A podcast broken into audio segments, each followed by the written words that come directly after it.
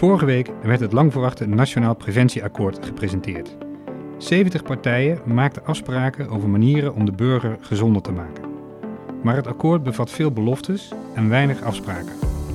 Bovendien bestaat het beeld dat de overheid de burger opnieuw pleziertjes komt afpakken. En dat kan wel eens een averechts effect hebben. Dat was Bram Haan met de kern van zijn commentaar van deze week over het Nationaal Preventieakkoord. U luistert naar een podcast van Elsevier Weekblad waar we wekelijks de feiten bespreken bij een van de commentaren.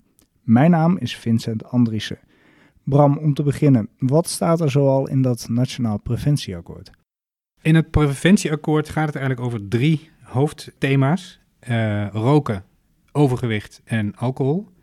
En op elk van die terreinen zijn uh, doelen vastgesteld om het aantal rokers naar beneden te krijgen, om het aantal mensen met overgewicht te doen dalen en om het aantal mensen dat problematisch alcoholgebruik uh, vertoont ook omlaag te krijgen. En samen met een heleboel partijen, belanghebbende, industrie, wetenschappelijke instituten, zijn daar afspraken over gemaakt hoe we dat kunnen bereiken. En waarom vindt de overheid preventie belangrijk? Nou, we geven in Nederland uh, om en nabij de 90 miljard uit aan zorg jaarlijks.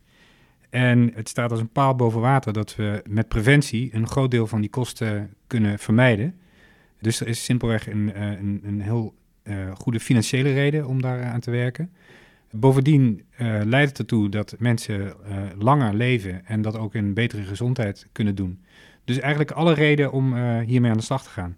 Nu lijkt het erop alsof dat Nationaal Preventieakkoord allerlei harde afspraken kent en een stevige agenda bevat. Maar jij vindt het eigenlijk vooral een heel vaag akkoord. Ja, en dat zit hem vooral in de acties die uh, zijn voorgenomen. De doelen zijn heel concreet. Het is, het is een heel goed geschreven uh, akkoord met uh, duidelijke doelen voor de toekomst. Ambitieuze doelen.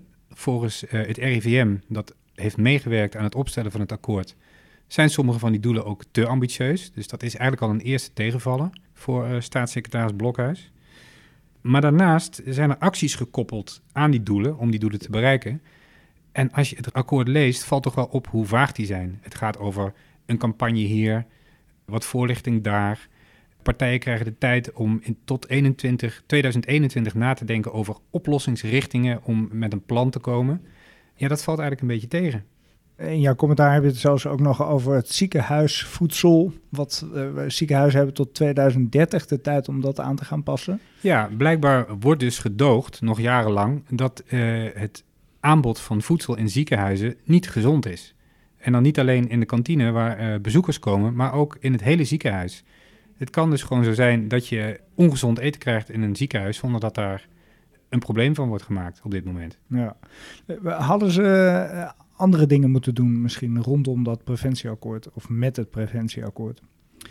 Nou ja, een, een heel belangrijk punt dat uh, niet te sprake komt in het akkoord, uh, waar wel veel partijen op hebben aangedrongen, maar wat uh, blijkbaar niet haalbaar is, is dat de BTW, die nu geldt op bijvoorbeeld verse groenten en fruit, levensmiddelen, van 6%, per 1 januari aanstaande naar 9% gaat. Nou ja, als je nou wil bevorderen dat mensen gezond groenten en fruit eten, dan ligt het toch wel erg voor de hand om dat niet duurder te maken. Maar dat is dus niet gebeurd. Ja.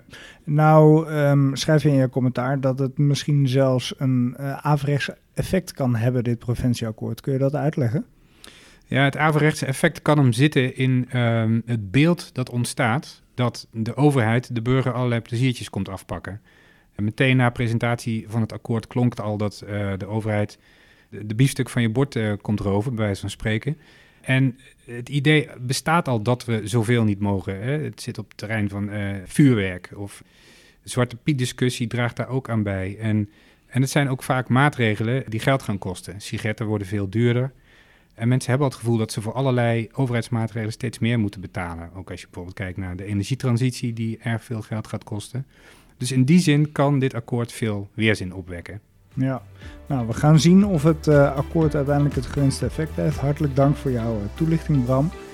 Meer commentaar van Elsevier Weekblad vindt u in het magazine of online op www.elsevierweekblad.nl. Mijn naam is Vincent Andriessen en ik dank u hartelijk voor het luisteren naar deze podcast van Elsevier Weekblad.